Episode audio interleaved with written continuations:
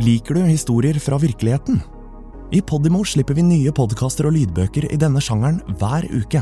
Dokumentarer, personlige historier og true crime. I denne spillelisten kan du høre et utvalg av våre mest populære titler. Podimo. Podkast og lydbøker i én og samme app. Første gang vi møttes var på Rena før jul i 2001. Vi forberedte oss på reise til Afghanistan, der vi skulle inngå i den amerikanskledede koalisjonen Operation Enduring Freedom. Oppdraget var å bekjempe Al Qaida og styrte Taliban-regimet som huset terrorgruppen. Kjetil hadde jobbet med etterretningsinnhenting for norske myndigheter, mens Frode var spesialsoldat i Forsvarets spesialkommando, FSK. Det var bitende kalde desemberdager, enda verre enn de beryktede vinternettene i høyfjellet i Afghanistan. Vi fikk innføringer i Talibans våpenkapasitet og Afghanistans historie og kultur. Vi ble advart mot slange- og skorpionbitt, og om ikke å drikke vannet ukokt.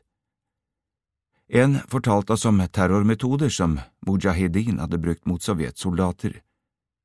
Det var ikke spesielt lystige utsikter, men en optimistisk soldat gjorde sitt for å lette på stemningen.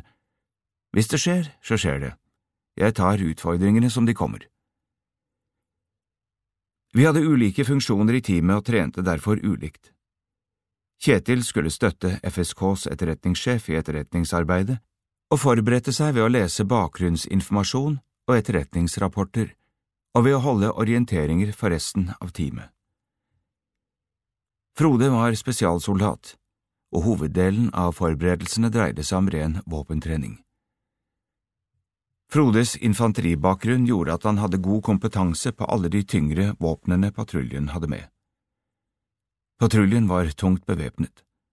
Alle hadde tre personlige våpen, og i tillegg hadde patruljen med et lite arsenal av fem forskjellige typer tyngre våpen.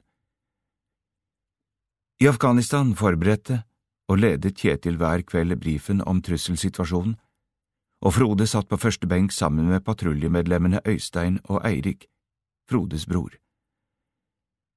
Etter brifene fortsatte etterretningssamtalene.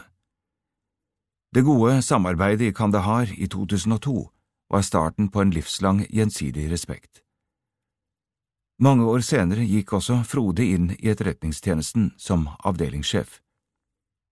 Og i løpet av karrieren har vi fra hver vår kant og i felles diskusjoner forstått stadig mer om etterretningens rolle i fred og i krig. Vi har også erfart at det er stor forskjell på hva man fanger opp når man selv står i konfliktsituasjoner, og hva man forstår når man ser tilbake.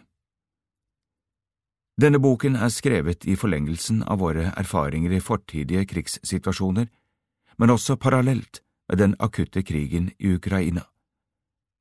Slik gir vi oss selv rom for å gjenoppleve og diskutere operasjoner vi har vært med på, samt gir oss mulighet til å koble disse erfaringene på det som har vært vårt daglige arbeid i etterretningstjenesten.